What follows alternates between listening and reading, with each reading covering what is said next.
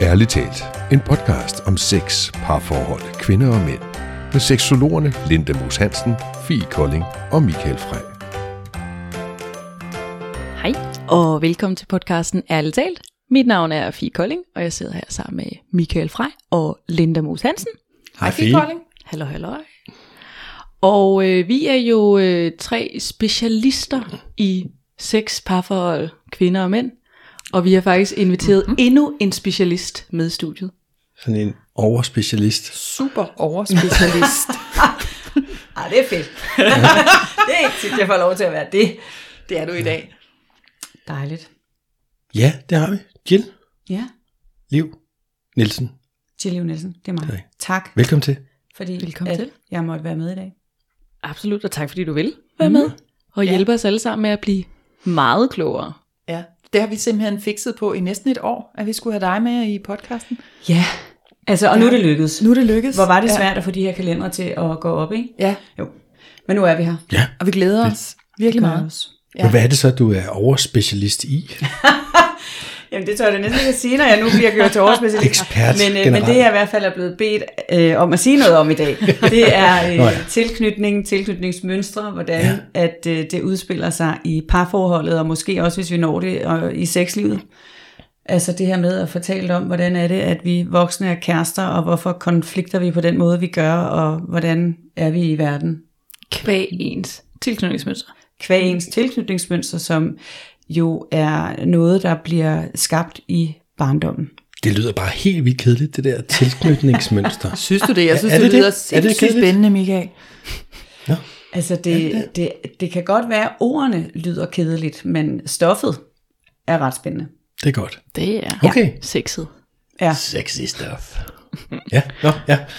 Ja. Mm. Jeg tænker også, det kan være usekset. Lidt. Det kan da godt. Altså, det er jo i hvert fald sjældent, jeg møder nogen, som synes, konflikter er sexet, ikke? Ja. Øhm, men, øhm, og dog. Og dog. Og, der er ja, yes, ja. der er også nogen, der kan tænde på det måske. Ikke? Men altså, i, i bund og grund, så synes jeg da, at det øh, er ret spændende og ret interessant, at den kontakt, vi bliver tilbudt af vores forældre i vores barndomsliv, er top afgørende for, hvordan vi går ud i verden som voksne mennesker, og hvordan vi knytter an til andre mennesker, og det handler jo ikke bare om egentlig vores partner, det handler jo om vores veninder, vores egne børn, vores kollegaer, vores chefer osv. Ikke? Mm. Det synes jeg da er absolut spændende. Det er så spændende. Ja, det er mere spændende. Ja. men skal, men skal ja. vi starte med at blive sådan overordnet klog først? Jo. Altså nu har du lige sat et par ord på, men kan du ikke se, fortælle lidt mere omkring, sådan, det handler omkring den sådan, øh, Tilknytning kontakt. Den kontakt. Ja, altså det dynamiske samspil, der har været imellem forældre og barn, altså det dynamiske samspil, jeg har haft med min mor og far, du har haft med din, øh, er så afgørende for, hvordan vi øh, vokser op og går ud i verden i forhold til, hvor tillidsfulde vi er, i forhold til, hvor let vi har ved at knytte an, i forhold til, øh, hvordan vi håndterer pres, konflikter, hvordan vi tåler øh, at blive kritiseret, eller altså... Mm hvordan vi simpelthen er relationelt, at det tilknytningsmønstret siger noget om. Og der er grundlæggende fire tilknytningsmønstre, hvor det ene er trygt tilknyttet. Det siger jeg noget mere om. Nu præsenterer jeg bare lige tilknytningsmønstrene. Ikke? Mm-hmm. Det andet, det er så i den utrygge kategori, det vil man sige er undvis, undvigende afvisende. Mm-hmm. Og det tredje er ængstligt ambivalent. Det fjerde er desorganiseret. Og det er egentlig dem, der er. Og så er der faktisk også et femte, men det er først noget, vi ligesom kan erhverve, når vi bliver ældre, i forhold til, at vi kan overskrive et utrygt tilknytningsmønster, og det hedder så det tillært trygge mm. tilknytningsmønster. Så der er de fem mm. tilknytningsmønstre. Og, og man kan sige, under hvert tilknytningsmønster vil der jo være en masse personlighedstræk eller karaktertræk, som sådan kan kan sige noget om, hvordan vi, vi går ud i verden. Og, og når vi skal opdage vores eget tilknytningsmønster, så er det vigtigt at huske på, at det er ikke aktivt hele tiden. Mm. Vi går ikke rundt med et konstant aktiveret øh, tilknytningsmønster. Det vil vise sig, når vi er allermest presset, og i den mest betydningsfulde relation. Mm. Så det er også derfor, vi typisk får øje på det i vores parforhold Øhm, fordi det er der, der er flest følelser på spil, der er mest at risk, øh, så er det også der, det vil træde tydeligst frem. Okay. Og Så når- vil det ikke vise sig i sådan perifære vennerelationer, eller altså, du ved, Absolut, altså Eller- hvis vi er, er, er tæt knyttet, hvilket vi jo også vil være til mange af vores nære venner osv. Ikke? Øh, men man kan godt have svært ved at knytte an, hvis man for eksempel har et utrygt, undvigende, afvisende tilkny, øh, tilknytningsmønster, så kan man have svært ved at knytte an, og det kan man egentlig også med det ængstlige ambivalente, fordi der vil være noget tillid, der, øh, der, der kan spøge lidt, eller måske rettere mistillid, ikke? Øh, men det er, jo, altså i alle de relationer, der har betydning, det kan jo også være, at man, øhm, øh, at det vil vise sig på en arbejdsplads, fordi man også er på en eller anden måde afhængig af en indtægt, afhængig af et job, nervøs for at miste det, der er noget på spil. Så, så, det, så det kan også vise sig i vores øh, kollegiale og, og øh, relationer og over for vores ledere, hvis vi mm. bliver hævet ind til en samtale, ikke? Ja. og sidder der i en konfliktsituation, så er der nogen, som måske godt kan mærke, at de bliver lidt tørre i munden, ikke? fordi de tænker, "Øh, hvad skal der ske nu? Ikke? Så i alle de relationer, hvor der er en eller anden stærk følelsesmæssig betydning, vil det vise sig tydeligst, når vi er presset. okay. Skal vi sætte nogle ord på de der personlighedstræk, du sagde, der så var inden for hver?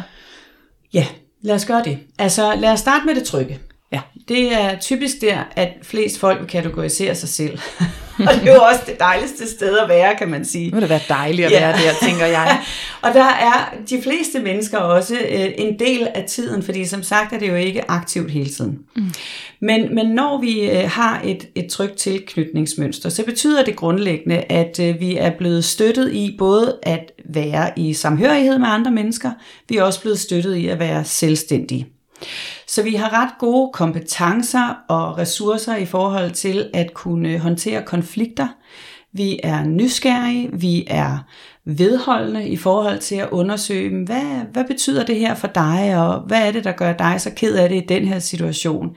Vi er lyttende, vi er opmærksomme på vores relationer, vi er åbne og rummelige, altså vi kan, vi kan rumme, at andre er forskellige for os selv. Vi er tillidsfulde, uden at være naive. Altså, mm. vi, vi har en, en overvejende tro på, at folk vil os det godt, og at verden er et godt sted at leve i, og at, øh, at vi generelt er trygge. Mm. At vi, øh, vi, vi er sådan fri på en eller anden måde til at udforske, til at gå ud og være i verden frie med, med den vi er, og med det vi mærker og føler. Ikke? Det kan vi tale åbent om. Vi kan udtrykke vores behov. Vi kan sætte grænser. Vi kan passe på os selv. Vi kan passe på andre.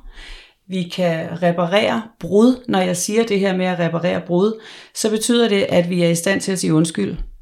Mm. Altså en fuldstændig helhjertet undskyldning kan vi give, og vi kan også modtage den. Så, så man kan sige, det der med at kunne reparere brud i kontakten, eller kunne være i konflikter og løse dem, og have tro på, at alt skal nok gå, øh, er jo ret gode kompetencer at have.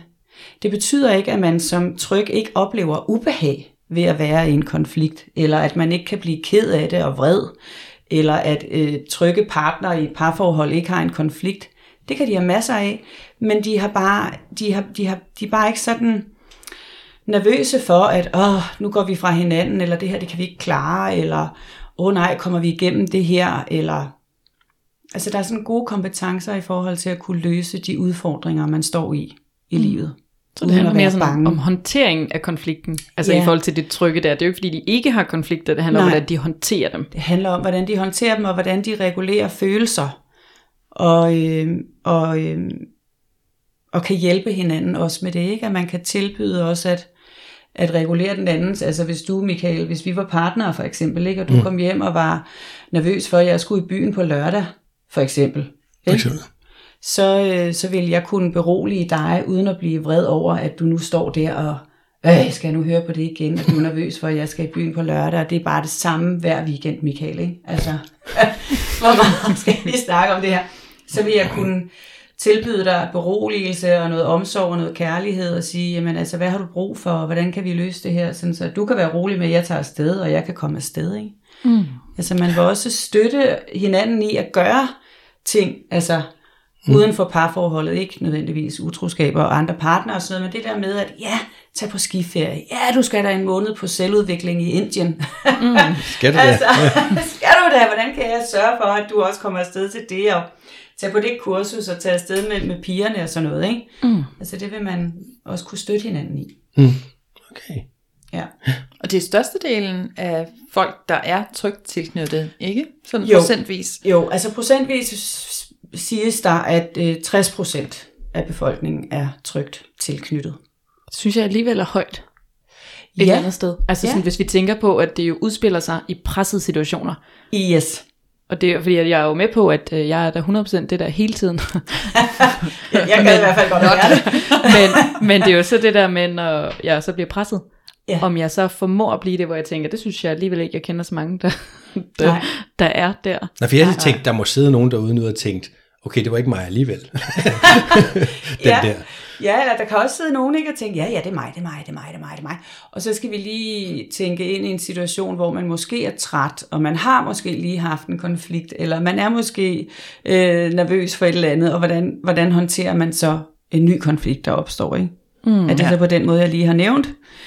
Eller kunne der være en tendens til noget andet? Mm. Præcis. Ja. ja. Så hvis vi bevæger os over i det undvigende afvisende, Mm. så øhm, vil man som undvigende afvisende være meget op i sit hoved. Man vil have lært at øh, have lukket af for sine følelser. Mm-hmm. Øhm, så det kan være svært egentlig at mærke, hvad man egentlig ja, hvad der sker i kroppen, og hvad det er for følelser, der er på spil. Man vil være meget sådan optaget af konkret og analytisk øh, problemløsende tænkning, altså være meget oppe i sit hoved. Man vil have svært ved at udtrykke de svære følelser, alt hvad der har med øh, skyld og skam og øh, triste følelser, vrede følelser, øh, behov for omsorg og sådan noget. Det vil man have meget svært ved at udtrykke, og man vil også opfatte det lidt som et svaghedstegn, at man har brug for det. Mm. Fordi at her er man ikke som barn blevet støttet i samhørighed, man er ikke blevet hørt og mødt, når man for eksempel har protesteret, været ked af det, været vred, øh, haft brug for omsorg, så har man fået at vide, klar dig selv, vær voksen, jeg vil ikke se det ansigt, gå op på dit værelse, hvis du skal være så sur ved det her middagsbord, så vil jeg ikke. Altså man er ikke blevet mødt passende sensitivt i mm. sine behov omkring de her følelser, så man vil have lært at have været meget alene og takle det selv. Altså det må du løse selv, op på dit værelse for eksempel. Ikke? Mm. Øhm, så så man, øh, man befinder sig rigtig godt i sit eget selskab. Man vil også være øh, rigtig optaget af at lave mange ting. Altså, fordi man som barn på en eller anden måde har haft brug for at regulere sig følelsesmæssigt, uden at have haft kompetencerne til det, fordi det er det, forældrene skal hjælpe med, så vil man have gjort det igennem sådan en overdreven udforskningsadfærd. Altså igennem legetøj, eller iPads, eller man har nørdet et eller andet helt vildt, eller altså man har sådan reguleret sig igennem leg. Hmm. Øh, Så derfor vil man også være øh, en, som, som gør det som voksen. Altså, så vil man stå tre timer ude på golfbanen, eller man vil blive hængende lidt på arbejde, eller man vil dyrke motion, eller være optaget af computerspil, eller, eller hvad det nu end kan være. Mm. Og man vil gå væk fra alt, hvad der giver øh, ubehagelige følelser. Altså det vil man helst ikke øh, beskæftige sig med særlig længe ad gangen. Altså nogen vil måske også udtrykke det lidt som at det der med at feje det ind under gulvtæppet. Mm. Altså vi, vi taler ikke om det, øh, vi lader det være, og så løser vi det selv. De her mennesker kan godt blive oplevet af andre som sådan lidt følelseskolde, som om du også bare er ligeglad, eller du, du reagerer aldrig på noget. Og det er de ikke. Men de er vant til ikke at få hjælp, så de vil heller ikke bede om hjælp, altså, fordi de har ikke rigtig tillid til, at, øh, at folk egentlig kan eller vil hjælpe dem. Så de lider lidt i ensomhed, altså, og går med det selv. Ikke? Mm. Okay. Ja. Tjek, tjek, Tjek, tjek, tjek, tjek, tjek. Hov. Ja. Tjek. Nå. Der, der var faktisk ikke en af dem, der jeg ikke havde. Nej. Det vil sige, jeg er sådan klassisk afvisende. Ja. Ja. Og der er jo selvfølgelig flere karaktertræk, ikke? men nu, nu nævner jeg bare lige nogle af dem her. Ikke? Jeg må sige, jeg genkender også mig selv rigtig meget. Du sad også og nikkede, lagde jeg mærke til. Ja. Ja. Så sådan lidt, fuck. Nej, det vidste jeg faktisk godt på forhånd jo. Ja. Jeg vidste det også godt. Men jeg kunne også godt se, at nogle af dem har jeg haft. Mm-hmm. Og, og, og tænker jeg jo, jeg arbejder jo meget med mig selv, og, og, og jeg er ikke 100% jo, men, men det der med, med at blive tilladt tryg, kunne jeg se nogle af de ting har ændret sig hen Ja. over årene. Rart. Altså, Altså, det er jo rigtig man er blevet bedre til at give udtryk for måske nogle lidt svære følelser, end man kunne tidligere. Eller Ja. ja. man er blevet bedre til. Men stadigvæk kunne jeg godt sige, åh, oh, fuck, men det, mm. ja, nå, det er så, ja. Og det, og det kan faktisk også være svært, altså både øh, for, for de her mennesker, både at give en undskyldning, men også at, at modtage den. Altså de, de kan være sådan, også når de bliver presset, så kan de godt have sådan lidt en tendens til at puste sig lidt op. Altså ikke sådan rockeragtigt nødvendigvis, vel? altså, men man kan godt sådan, der kan godt sådan øh, komme lidt mere energi på, eller sådan lidt mere øh, hurtighed i ord, og sådan, altså øh, være optaget af retfærdighed. Altså uretfærdighed er meget, meget slemt. Øh, mm, kritik ja. er nærmest et traume. Altså øh, hvis, øh, hvis undvigende og afvisende mennesker bliver kritiseret, det, er, det gør så ondt på mm. dem. Altså de kan næsten ikke være med det. Og, og det der er sådan også mm, meget øh, sigende om dem, det er, at de, de kan faktisk godt have en ret høj selvtillid. Mm-hmm. Øh, det vil ofte være mennesker, som hvor altså, de kan sparke døre ind og, og, øh, og, og, og kan finde ud af rigtig mange ting og have en høj selvtillid. Altså der er ikke det, altså de, de ikke tror, at de kan klare. Hvor selvværdet er i bund. Altså, fordi de har jo igennem den her overdrevne udforskningsadfærd været, øh, altså er blevet dygtige til mange forskellige ting. Jeg tror på, at de kan mange ting. Mm. Men selvværdsmæssigt Hmm. hænger de lidt i bremsen, ikke? Mm. Ja. Og det er den her manglende tro på, at, at behovet bliver opfyldt. At man er god nok, at ens behov har værdi, at ens grænser har værdi, ens følelser har værdi. Altså det, øhm, det kan man sige, det er sådan ret sigende for selvværd, ikke? At, ja. øh, at behov, følelser og, og, og det vi mærker har en eller anden værdi, vores grænser har værdi, og det har de ikke rigtig oplevet, har haft sønderlig interesse. For forældrene. Ja. Ja. ja. Så, øhm, så derfor vil selvværdet være lavt, men selvtilliden kan godt være høj. Okay, så vi har, hvis man nu bruger ord som kategori, bare for at gøre det sådan en lille smule mere nemt, så mm. siger vi, at den første kategori, det var det trygge, Mm-hmm. og anden kategori her, det er over i det utrygge, Ja. man hedder afvisende undvigende, Mm-hmm. og så er der en tredje kategori i det, som også ligger i det utrygge. Yes, og det er så den ængstlige ambivalente. Mm. Og den ængstlige ambivalente, øh, man kan sige, nu sagde jeg jo i starten, at tilknytningsmønstret er jo ikke aktivt hele tiden. Mm. Øhm, men, men tilknytningsmønstret vil være lidt mere on hos den ængstlige ambivalente, end det vil være hos den afvisende. Fordi den afvisende undvigende har lært ligesom sådan at undertrykke følelser, og har tvunget sig ned i udforskningsadfærd, hvor de ængstlige ambivalente hele tiden er lidt på arbejde i forhold til at forsøge at skaffe sig det, de har brug for. Mm. Så, øh, så det vil være lidt mere on, det her tilknytningssystem. Øh, system, ikke? Mm.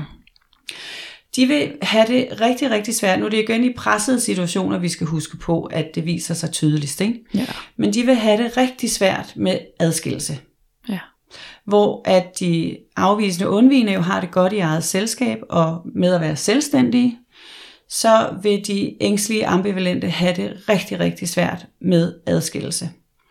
Så der, der, der vil være rigtig meget stress og ængstelighed og nervøsitet i forhold til det her adskillelse, separation. Nu snakker jeg ikke om separation som i skilsmisse, men det der med at være væk fra hinanden. Mm.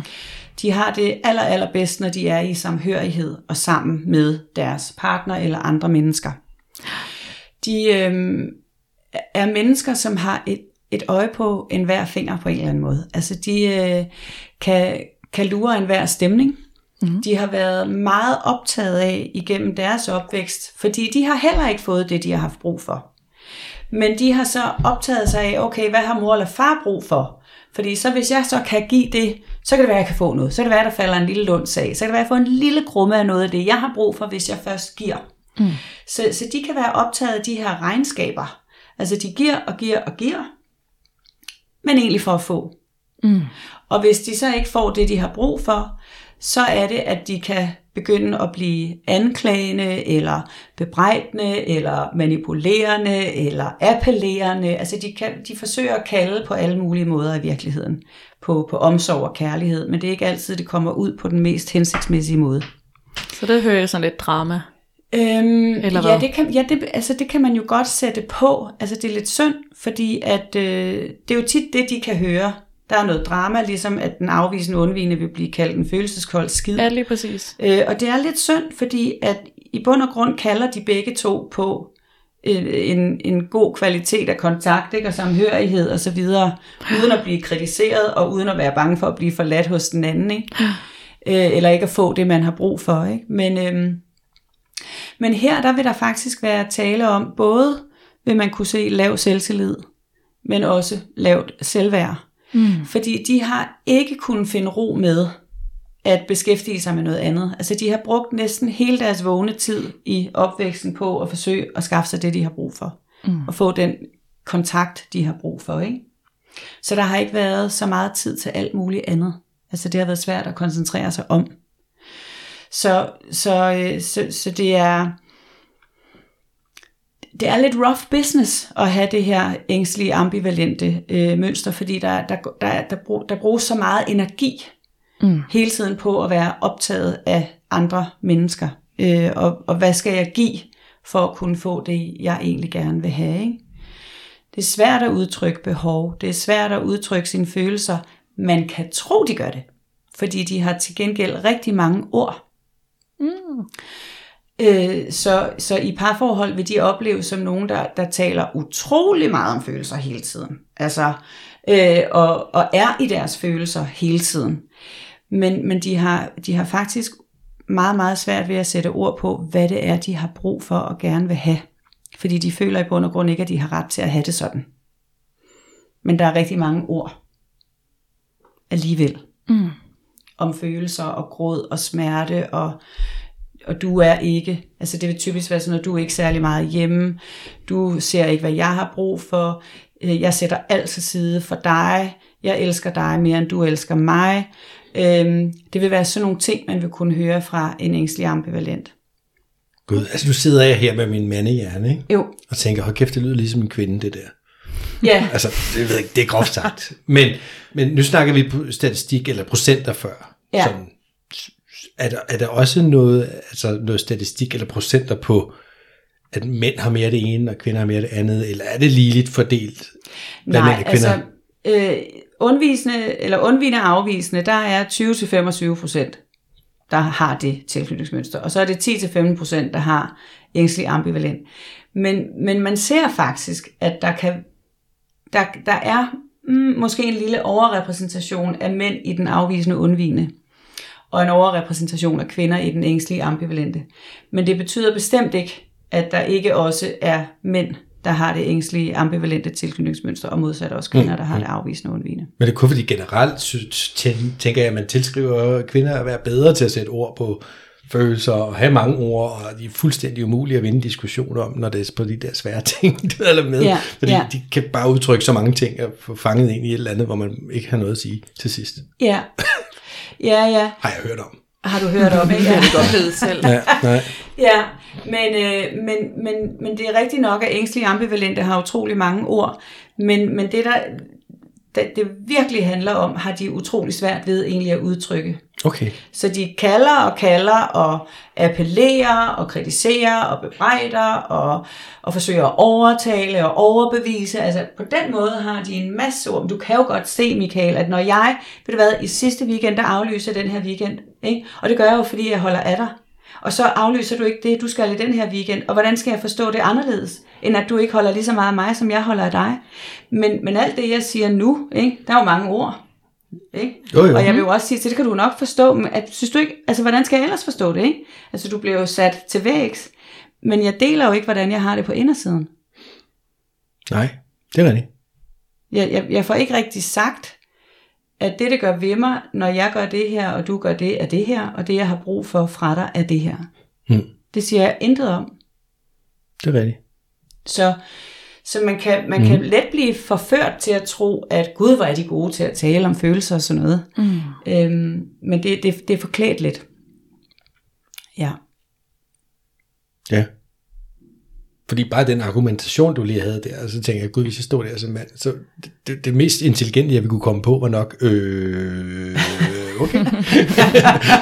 ja, Nå, når du Hvis siger man det. ikke har nogen som helst altså, Ja, viden om, om, måske hvad er det egentlig, der sker, ja, hvad fanden skal man så sige til det?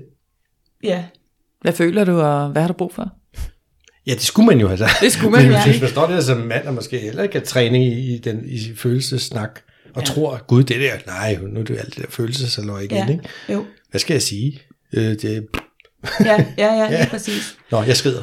Ja, ja, jeg går ud på golfbanen, ikke? fordi at, øh, der, det kan jeg da finde ud af. Mm. Ikke? Der bliver jeg ikke kritiseret og bebrejdet. Jeg får ikke skal ud af, af hverken øh, kølle eller kugler, vel? Altså, så øh, der, der er det meget rarere at være.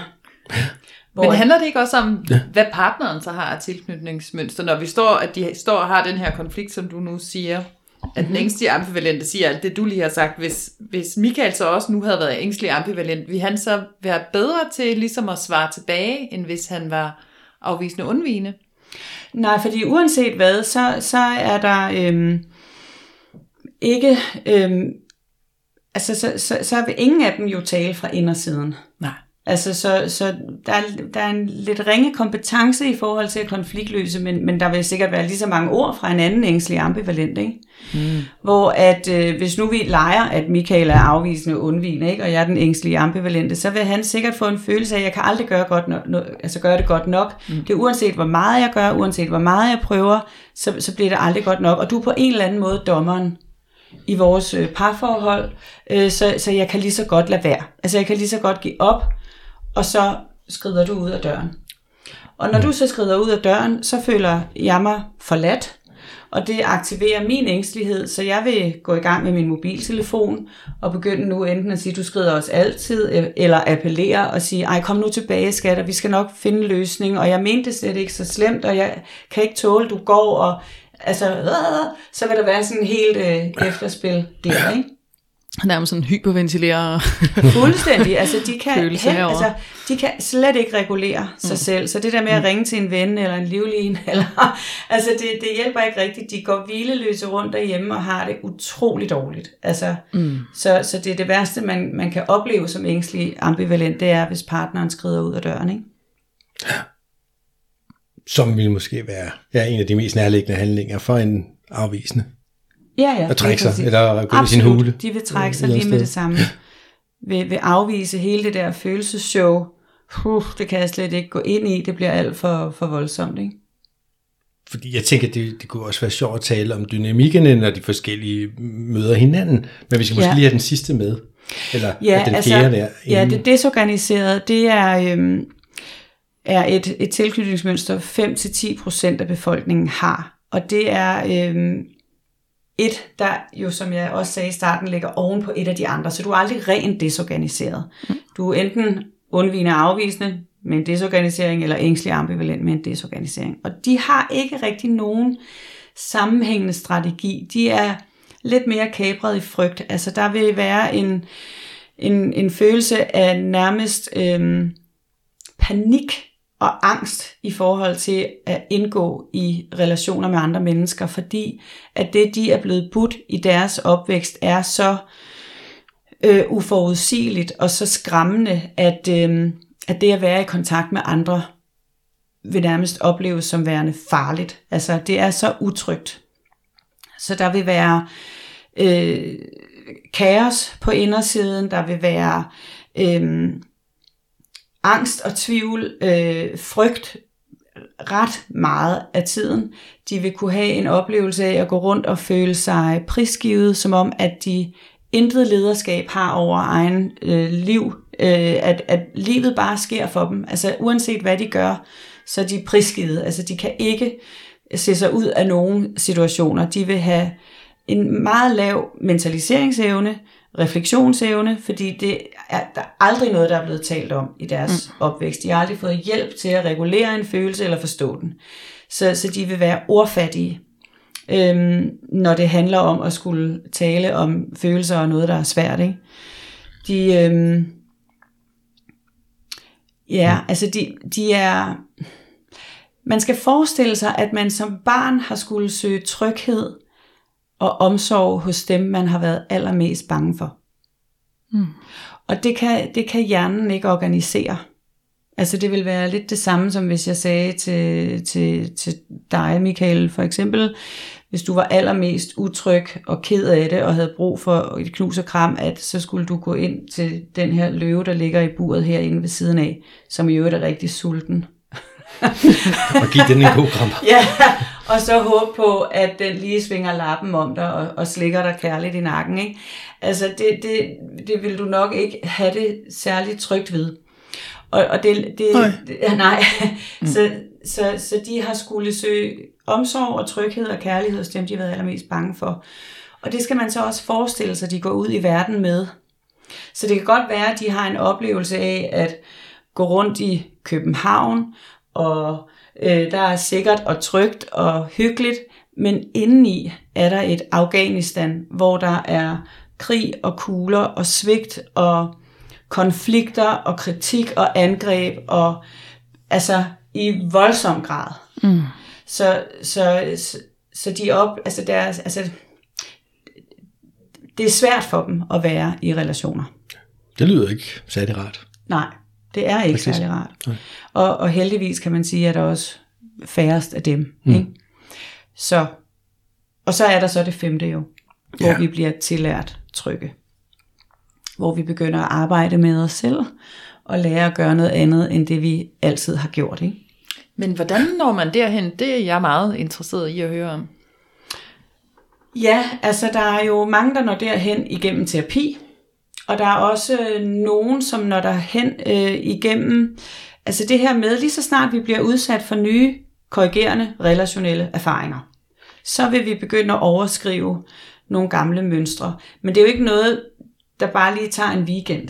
Altså det, det, vi, vi skal have en masse nye erfaringer, og, det, og der skal komme rigtig mange af dem, ikke? fordi alt efter, hvornår vi starter, så har vi ligesom fået, fået trådt et gammelt mønster rigtig godt og længe. Ikke? Så, så det er næsten som at forestille sig en meget, meget bred motorvej.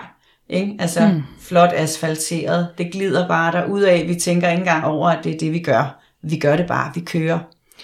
Og lige så snart vi skal begynde at overskrive det eller gøre noget andet, så vil det kræve, at vi på en eller anden måde er bevidste om, at hov, jeg er i gang med at gøre noget gammelt, og nu skal jeg dreje fra og køre ud af den her lille bitte grusvej, som at der ikke er belyst, og der er mørkt, og der er bumlet, og min bil går sikkert i stykker og alt muligt.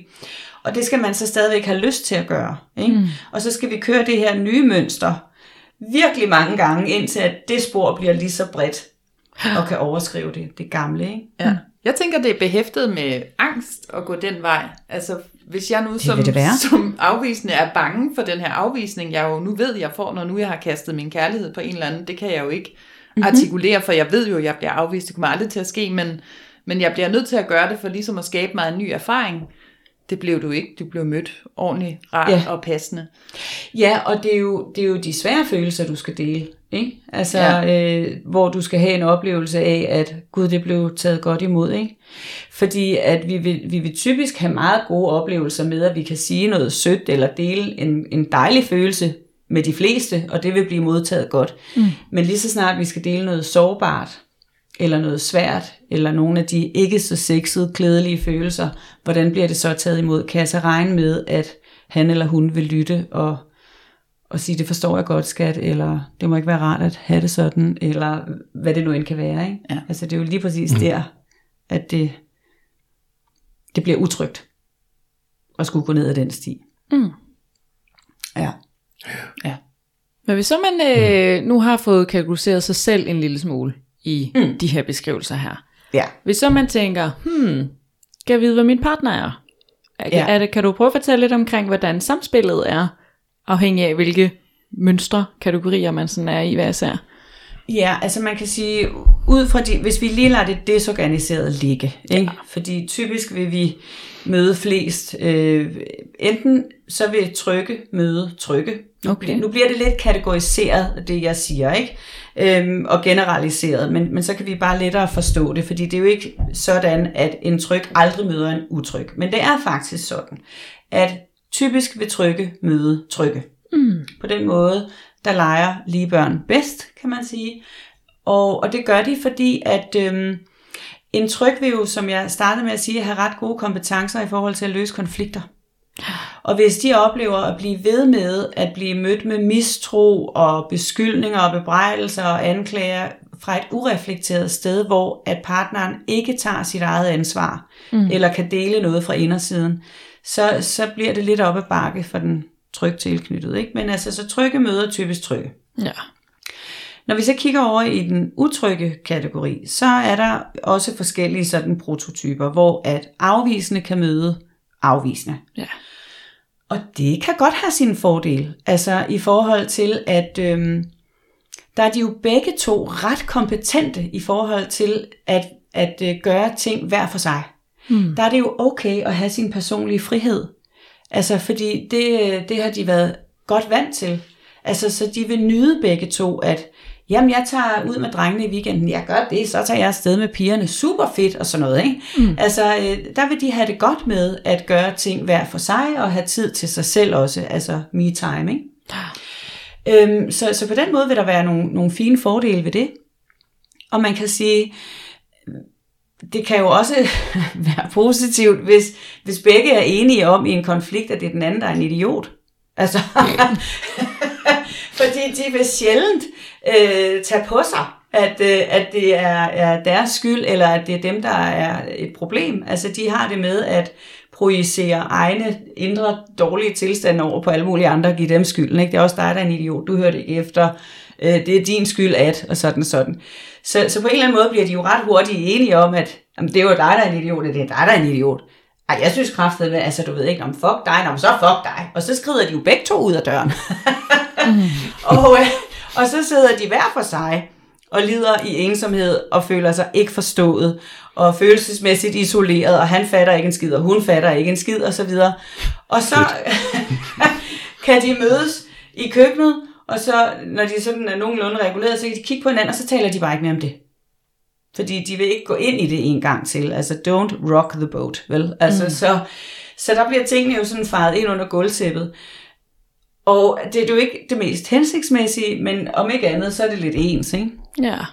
Øh, de får ikke løst deres konflikter, og konflikter vil blive ved med at opstå, og de vil blive ved med ikke at løse sig, men der vil være sådan en, en model for at håndtere det på den måde, ikke?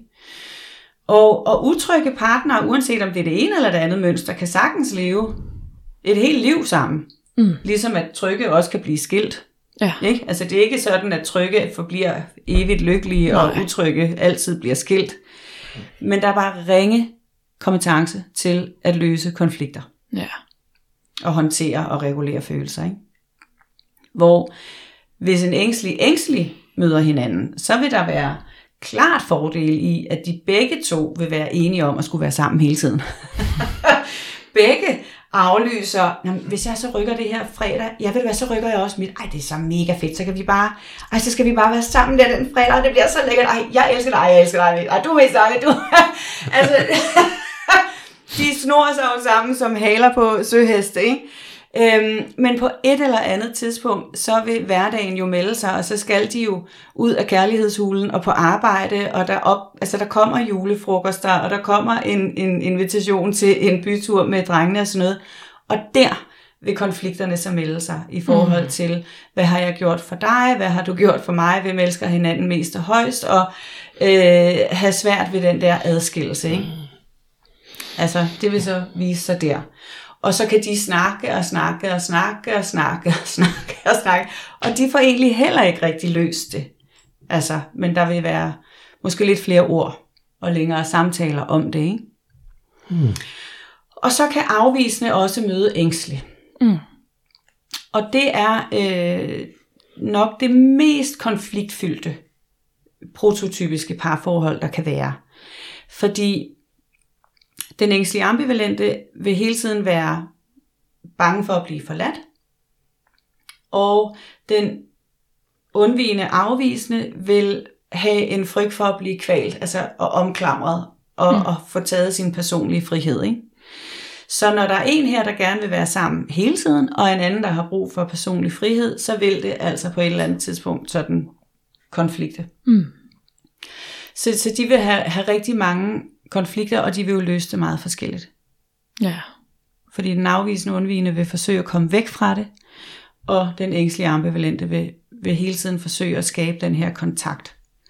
Hvor man som et billedsprog kan sætte på, at den afvisende undvigende bliver lidt sådan et tårn, altså så kravler de op i deres tårnværelse og lukker alle skodder for vinduer og trækker vindelbroen op, ikke? Og den ængstlige ambivalente vil være bulldozeren, der forsøger at bryde ind i det her tårn. Kom nu, lad os nu snakke om det. Altså du går altid, altså jeg føler mig så afvist, eller om jeg føler mig så kritiseret, vil den anden så sige. Ikke? Du er hele tiden efter mig, og jeg kan aldrig gøre noget rigtigt. Og, mm. ja. så, så der er absolut gode ting ved at møde det tilknytningsmønster, man har, men der kan virkelig også være konflikter forbundet med det. Ikke? Så det ja. bedste, man kan gøre som udtryk, det er at finde en tryk. Eller? Ja, jamen det bedste ville jo være, hvis alle trygge bare slog armene ud, ikke og sagde, kom udtrykke, nu skal vi gøre jer trygge, fordi at vores hjerne og vores nervesystem modnes jo efter det, der bliver tilbudt i det omgivende miljø. Så hvis, øh, hvis alle trygge bare slår armene ud, og tog en udtryk ind. Ja, ja. så... Øh... Adoptere en udtryk. jeg skulle lige til at sige, at vi skulle lave sådan en adoptionsbyrå, hvor nogle trykke kunne tage de udtrykke. Ja, ja. Øh, så, så, øh, så ville det være rigtig, rigtig dejligt, ikke? For det så er det vel, at man lærer, Gud, jeg kan godt blive mødt på en ordentlig måde. Jeg, ja, Gud, jeg blev ikke afvist, når jeg kom med noget, der var svært. Nej. Ja, lige præcis. Ja. Men kan du sige noget om, hvordan det udspiller sig, hvis man er single? Nu er det sådan i parforholdet. Hvis den single udtrykke, der går ud og prøver at finde en partner. Ja, altså øh, nu øh, kan jeg jo sige, at jeg både øh, personligt og fagligt har været på Tinder. og, øh, og begge dele har været spændende. Øh, fordi at øh, man kan faktisk både se nogle gange ud fra profiler, øh, hvor at nogen kunne tendere hen imod ud fra det, de skriver, men absolut, når, man, når der så er et match, hvordan reagerer øh, de forskellige så, ikke? Ja. Og så skal det altså også lige siges, at i bund og grund, så, så kan vi, hverken som specialister, eller nu mig i dag som overspecialist, overspecialisten, egentlig øh, øh, sætte øh, et mønster så kategoriseret på, på, på nogen, fordi hvis man skal det, så, så er det rent faktisk noget, der sker igennem et, et interview, der hedder AI, og så bliver det lagt over til forskere, der sidder og, og tyder, hvordan at, øh, at interviewet har været, hvad der er blevet svaret, og hvordan der er blevet reageret osv. Men vi kan jo, vi kan jo have hypoteser. Ja. Yes. Så øhm, det vil være meget almindeligt, at ængstlige ambivalente på, øh, i, i single-liv jo vil være rigtig gode til at skrive og rigtig gode til at tage initiativer, og øh, skal vi ikke gøre det, og skal vi ikke gøre det, og, og, og byde sig til.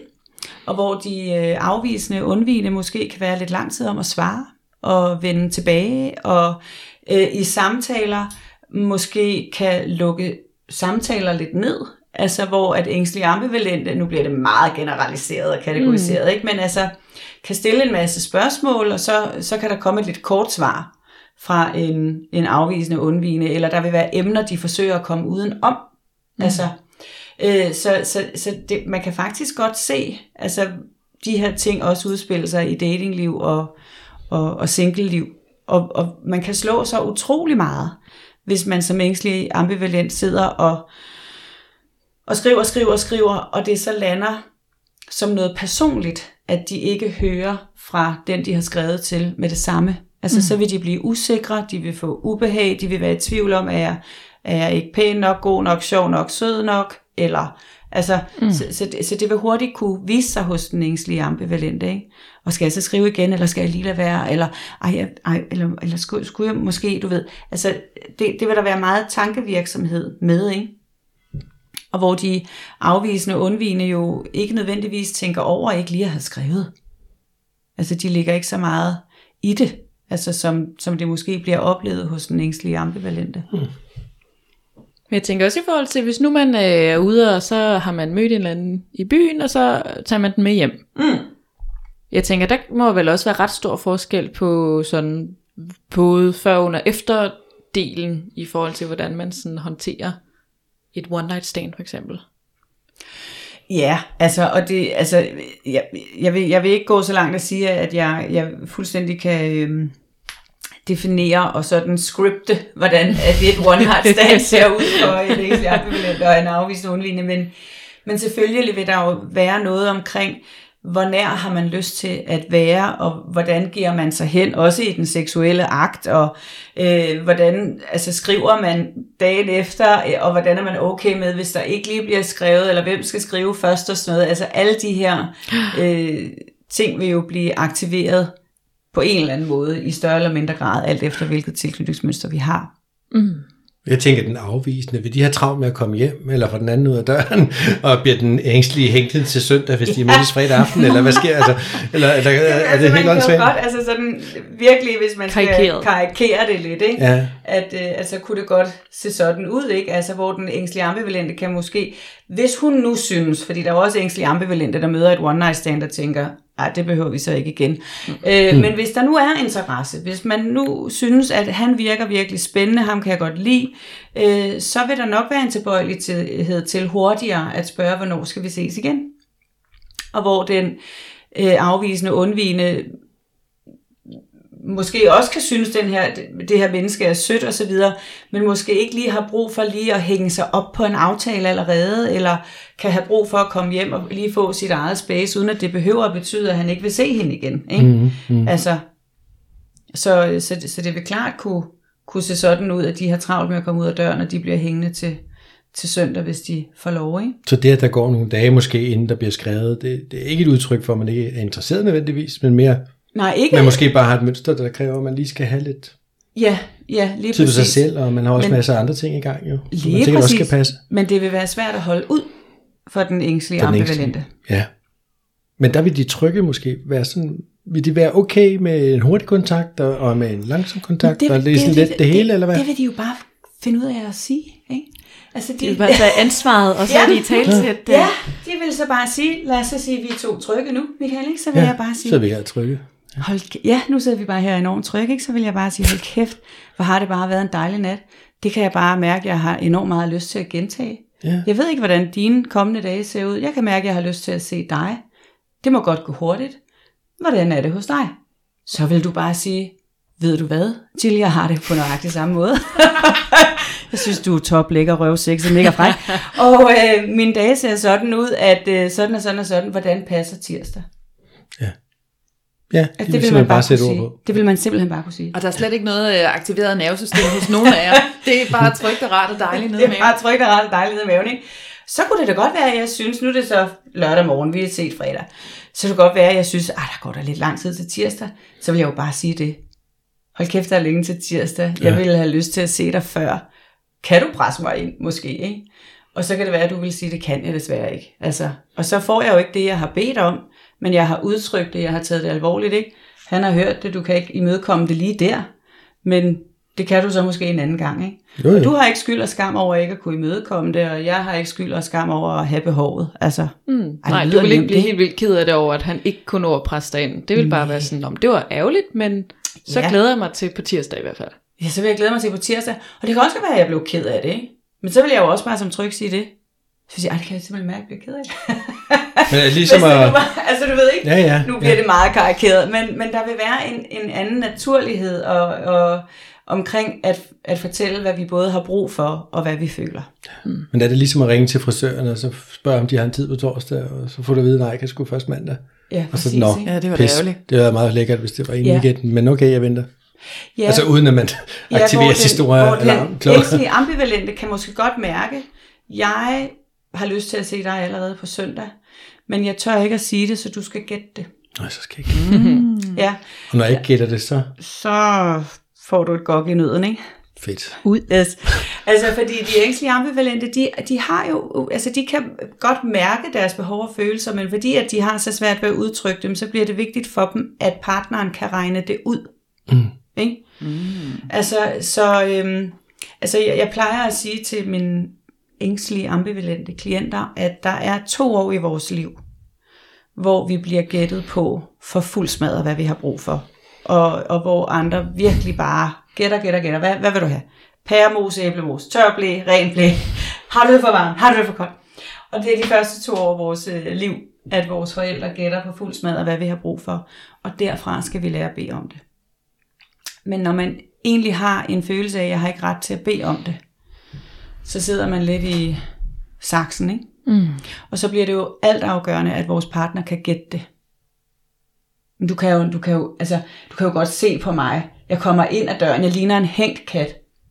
Michael, ikke? Mm. Og, ved du hvad, og det er bare aldrig, jeg hører dig spørge, hvordan har din dag været, eller har du brug for et kramskat, eller et eller andet. Altså, det, det er bare aldrig, Michael. Altså, og, og du kan jo se, du kan jo se, du kender mig. Vi har været over mig, altså? du har været, vi har været sammen i syv år, altså. ja.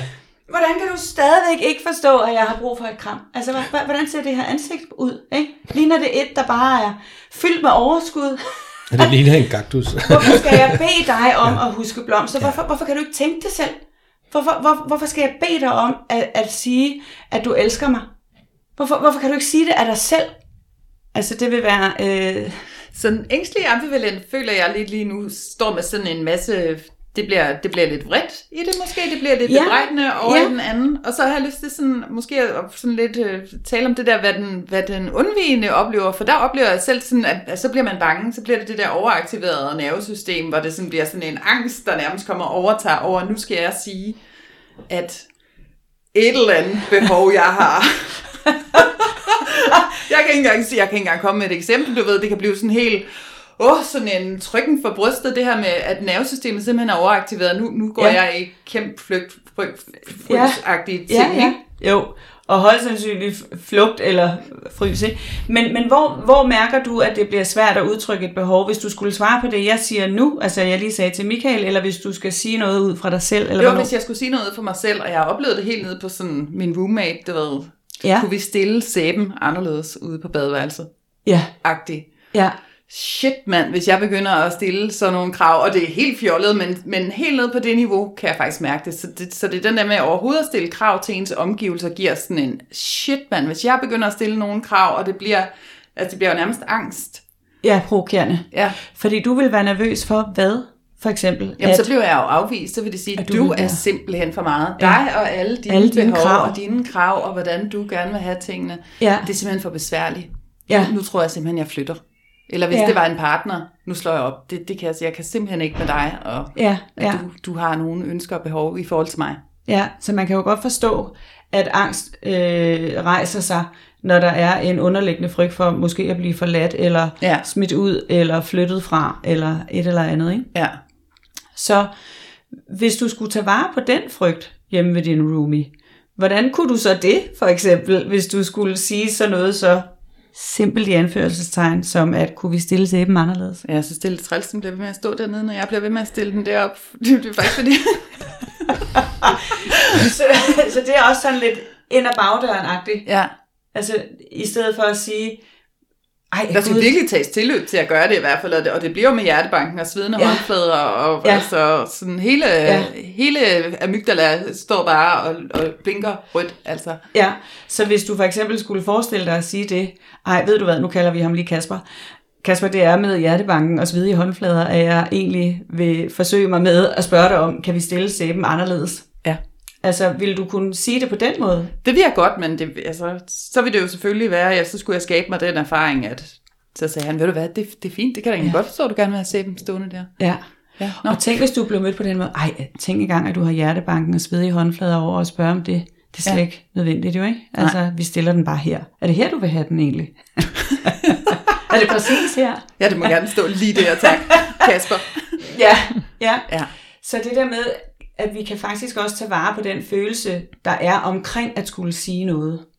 Fordi det kan nogle gange hjælpe til at tage brødrene af, eller lige øh, oplyse vores partner om, det her det er faktisk rigtig svært, eller vores roommate. Så lige i talesæt. Det, ja, det er faktisk super svært, det jeg skal til at sige til dig nu. Jeg, ja. jeg kan mærke, at jeg har fuldt ud aktiveret mit nervesystem. Det er ja. også det, det, du snakker om, det der med at kunne håndtere sine følelser. Der kan jeg huske, du har tegnet sådan en graf. Ikke? Ja. Hvor meget kan vi håndtere? Ja, lige præcis, før vi, vi tjekker ud over øh, ja, båndbredden. Ja. Altså at få sagt alt det, vi ikke mener, ikke? Men er det så ja. at bevæge sig altså, over i det tillærte trygge, altså det her med at, hvad skal man sige, et, et skridt i den retning, i hvert fald fra at gå og, hvad skal man sige, i, i det her Linda-eksempel her, så er det jo det der med, at, at jeg vælger bare, og slet ikke nogensinde i de her fem år, vi har boet sammen, og i talsæt sæben, men hver gang jeg ser den, så, så er det, jeg irriteret. får, får panik, og hver gang jeg så bliver irriteret, så hver gang jeg har lyst til at sige det, så får jeg så meget angst og panik, at jeg lader helt være. Og så er det jo det der med, at, at et skridt mod det tilladte trygge vil så være for eksempel at i talesæt, hvad det er, jeg oplever. Altså det kunne være sådan et, Ja, et helt når- konkret øh, Ja, lige præcis. godt startsted. Når vi begynder at øve det, der er allersværest, og vi jo så netop får en oplevelse med, at det lykkedes. Jeg udtrykte det, jeg havde brug for. Jeg fik det. What? Man kan også være uheldig Det skal ikke at få det, mand. Altså, så Man udtrykker man, hvad man har behov for, og så får man ingenting tilbage. Ja, man kan også være uheldig med ikke at få det. Men, men så kan man få en erfaring med at blive mødt på en respektfuld måde, hvor man ikke er blevet kritiseret for at have behovet. Ja. Eller blive afvist eller sendt væk. Ikke? Altså, så det kunne være, at Kasper han sagde, øh, jeg er simpelthen så glad for, at Seben står her. Det vil virkelig være betydningsfuldt for mig, hvis den kan blive her, fordi jeg er nemlig venstrehåndet. Og øh, har brug for lige den øh, rytme, jeg har, at den står her. Mm. Øh, modsat at han måske sagde, altså hvad fanden er det for et behov? Altså ved du hvad, jeg er bare, altså, jeg kan ikke forstå, hvorfor vi skal ændre på det her. Nu har den stået her i fem år. Altså, og så kommer du med det. Altså det kan jeg bare mærke, det gider jeg bare ikke. Altså der er jo stor forskel på Ja. at blive mødt på, på de her to forskellige måder. Ikke? Og, og man kan sige, det, der, det som du taler mm. lidt ind i her nu, ikke, det er det her med, hvis vi forestiller os en trekant, og for at alle kan være med i mit billede, ikke, så har vi spidsen nedad. Yes. Så hvis vi foran vores trekant nu sætter de her systemer ind, som er en del af tilknytningsteorien, så har vi tilknytningssystemet. Det sætter vi nu i vores højre øverste hjørne. Så har vi øh, omsorgssystemet, det sætter vi i vores venstre hjørne af trekanten, og så har vi udforskningssystemet, det sætter vi i den spids, der vender nedad. Når vi så for eksempel Altså de her tre systemer, de hænger sammen, men de er ikke online alle sammen på én gang. Altså der er kun ét, der kan være online. Mm. Og vores tilknytningssystem, det aktiveres lige så snart, at vi øhm, mærker frygt, angst, ængstelighed, ubehag, hvor vi har brug for at blive beroliget. Og det er sådan set det, der sker, når vi er børn. Nu mærker jeg et eller andet. Jeg er bange for et uhyre under sengen, eller jeg, øh, jeg er træt og har brug for at blive trøstet, eller jeg er ked af det, fordi whatever. Mm. Så går vores tilknytningssystem online. Og så kalder vi. Så kalder vi på en forælder, som vi gerne vil have, skal møde os nu. Og der skal omsorgssystemet helst gå online hos forældren, ikke? eller som voksne, vores partner. Ja. Først når vi er blevet reguleret, først når vi er blevet mødt omsorgsfuldt og er blevet trøstet og blevet tilbudt den omsorg, vi har brug for, kan vi gå online i vores udforskningssystem, hvor vi så kan gå frit og roligt ud i verden og udforske og, og, øh, og være glade og have en oplevelse af, at jeg har det godt og rart og trygt. Ikke? Så hvis nu jeg siger til dig igen, Michael, ikke? så siger jeg til dig, jeg kan simpelthen mærke, at jeg er lidt nervøs for, at du skal til julefrokost på lørdag. Fordi du kyssede jo med Trine for to år siden. Og det kan jeg simpelthen mærke, det fylder hos mig nu, fordi jeg ved, hun skal med. Nu er mit tilknytningssystem online. Jeg er pisse bange for, at Michael han skal kysse med Trine. Jeg har brug for nu, at hans omsorgssystem går online, ikke? Mm. og han møder mig og kigger mig dybt i øjnene og siger, ved du hvad skat, det kan jeg faktisk godt forstå, du er mega bekymret for, og at det nogle gange lige melder sig, og du har slet ikke noget at være nervøs for. Han krammer mig, og vi står der længe, og jeg kan mærke, at jeg er rar og tryg. Så kan jeg gå ned i udforskningssystemet, og så kan jeg selv tage afsted lørdag, og du kan bare suse afsted. Mm. Men hvis nu, at du ikke har det så godt med konflikter, så kan det være, at ved at jeg siger det her, at så går dit tilknytningssystem også online. Så mm. kan du ikke møde mig omsorgsfuldt, Mm. Fordi nu er du i virkeligheden måske også nervøs for, hvor ender vi? Nu har vi haft det her, nu har vi snakket om det i to år. og jeg kan snart ikke rumme det mere, og, øh, og jeg er bange for, at du egentlig måske går Jill til sidst, fordi du er så usikker på mig, eller jeg ved faktisk ikke, om jeg kan holde dig. Altså, så kan du ikke møde mig omsorgsfuldt og give mig det, jeg har brug for, og jeg kommer heller ikke til at kunne hjælpe dig nødvendigvis. Fordi nu er vi begge to online mm. i vores tilknytningssystem. Og så er der ingen, der tager til julefrokost lørdag og har det sjovt, fordi vi sidder og er lidt øh, bekymrede for, altså kunne hun egentlig finde på at være sammen med en nu, hvor jeg har kysset med Trine? Er det egentlig i virkeligheden det, hun siger? Eller køber hun så ret til det? Eller, eller jeg sidder og tænker, hvad sker der med hende, Trine? Har hun de der røde støvler på, eller hvad? Altså, mm. og så kan vi ikke rigtig være til stede. Giver det mening? Mm-hmm. Det giver rigtig fin mening. Så, så systemerne er online, altså og går offline, alt efter hvilket et, der går, der er aktiveret, ikke? Det giver ret god mening. Det gør det. Gud, det har været spændende. Det var slet ikke så kedeligt, som jeg synes, det lød. Nå, det var da dejligt. Det var det ikke. Hvad tænker I? Jeg synes jo, hvad skal man sige, det er jo, det er jo rigtig spændende, og det er også sådan, altså altid, ja, spændende sådan det der med at kan se sig selv og prøve at sådan sætte sig ind i, hvor, hvem er den med jeg, og den der ting tilbage på, sådan okay, men hvad gjorde jeg der, eller hvordan reagerede jeg dengang, eller det der sådan, og det der med, at der er en, der er en årsag. Altså det er ikke fordi, Ja. man bare er, er fucked, og der ikke er Nej. noget sted at placere, altså sådan den der sådan tryghed i, at, at, at det er okay, jeg har det, som jeg har det, fordi det er den Ja. årsag til, og der er faktisk også en, hvad skal man sige, en handlingsplan for, hvordan jeg så kommer fremad. Præcis. Ja. Og, og, og, og at have et utrygt tilknytningsmønster er jo ikke en diagnose. Eller vi er jo ikke syge, eller freaks, eller vi er helt almindelige mennesker, ikke, der er blevet mødt på en eller anden måde i vores opvækst, som, som ikke har været tilstrækkelig. Altså vi er ikke blevet tilbudt tilstrækkelig omsorg øh, og nænsomhed på de tidspunkter, vi har haft brug for det. Og det skal vi så ud og lære. Mm. At turde bede om nu, ikke?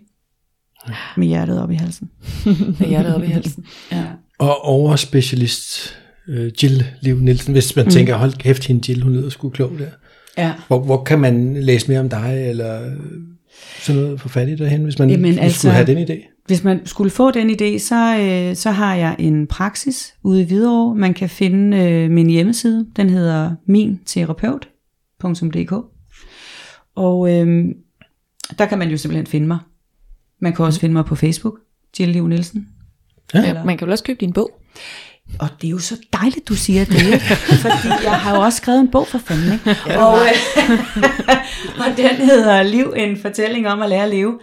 Øhm, det er en lidt anden historie, men den er utrolig klog, den bog. Den, Den er mega meget god. klog. Den er meget Jeg har klog, ja. Nå, ej, hvor fedt. Nej, hvor dejligt. Altså, jeg har købt den. Jamen, skynd dig at læse den. øh, men det var ærligt talt, Ja, ja, kan man det sige. det. Jeg tror, vi Og, har øh, stående derovre, du kan låne den med hjem, Michael. Ja, ja. Nå, men Ja, jeg har ja. den jo, så Ja, jeg skal ja, ja. bare... Men, øh, men den kan man absolut også øh, få fat i, både som lydbog og som fysisk, og e-bog og alt muligt. Ja. Fedt. Fedt. Ej, hvor spændende. Men tak fordi du kom og var med i hvert fald. Og... Altså tak fordi jeg måtte. Jeg synes jo, jeg har masser af nu at fortælle om det her. Ikke? Men øh, hvor har Du må det komme igen. dejligt, Ja, Det er ikke i tvivl om, Jill. og kunne give et lille indblik, Ja. om ikke andet, i tilknytningsmønstrene. Det var en god start Ja. på den verden. Og så håber jeg, at alle, der har lyttet med, øh, selvom at, hvad skal man sige, jeg er med på, at det jo godt kan være en lille smule øh, mange ord og kategorier at finde rundt i og sådan noget, men, men i hvert fald, at der sådan er en mening med det, og bliver nysgerrig på at arbejde videre med det. Altså, ja. Ja. for der er virkelig noget guld at, at finde, hvis man går den vej. Ja. Ja. Hvis man tør. Ja. Ja, det kan jo være frygtelig farligt. Ja, det kan det. Men det Altså er egentlig noget, ikke alle farligt, allerhøjst ubehageligt. Allerhøjst ubehageligt, men faktisk ikke farligt. Det er ikke farligt. oh Ja, man dør ikke af det. Nej. Man kan prøve at blive klogere. Ja. Ja. Ja. Skal vi sige tak for i dag? Tak ja, for i dag. Tak for i dag. Vi Tak for ses. i dag. Ha' det godt. Hej. Hej.